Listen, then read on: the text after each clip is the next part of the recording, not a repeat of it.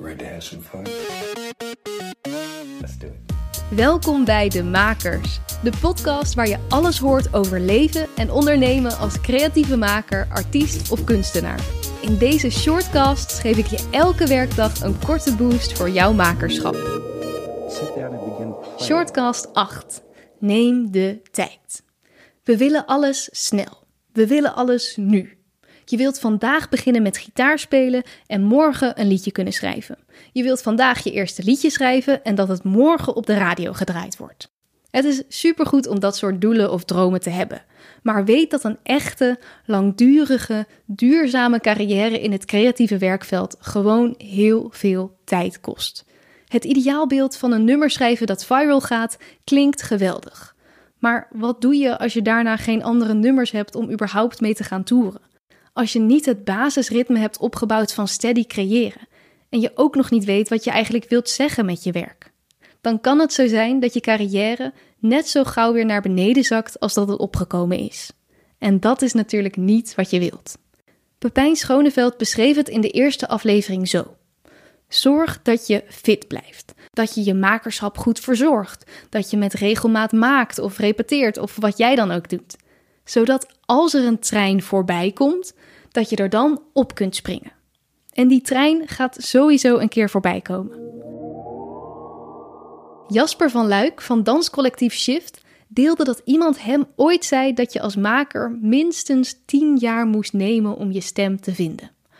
En natuurlijk hoef je niet 10 jaar op een zolderkamertje te wachten voordat je iets naar buiten mag brengen, maar gun jezelf in ieder geval die ruimte om te experimenteren, om te zoeken. Je wilt natuurlijk gelijk dat je eerste werk het allerbeste ooit wordt. Maar aan de andere kant, als je allereerste werk al gelijk het allerbeste ooit is, waar moet je dan nog naartoe? En wat zegt dat over het werk dat je daarna hebt gemaakt? Dus wees daarin lief voor jezelf en kies wat voor jou werkt. Maak, zoals Jasper, een hele berg met verschillende projecten.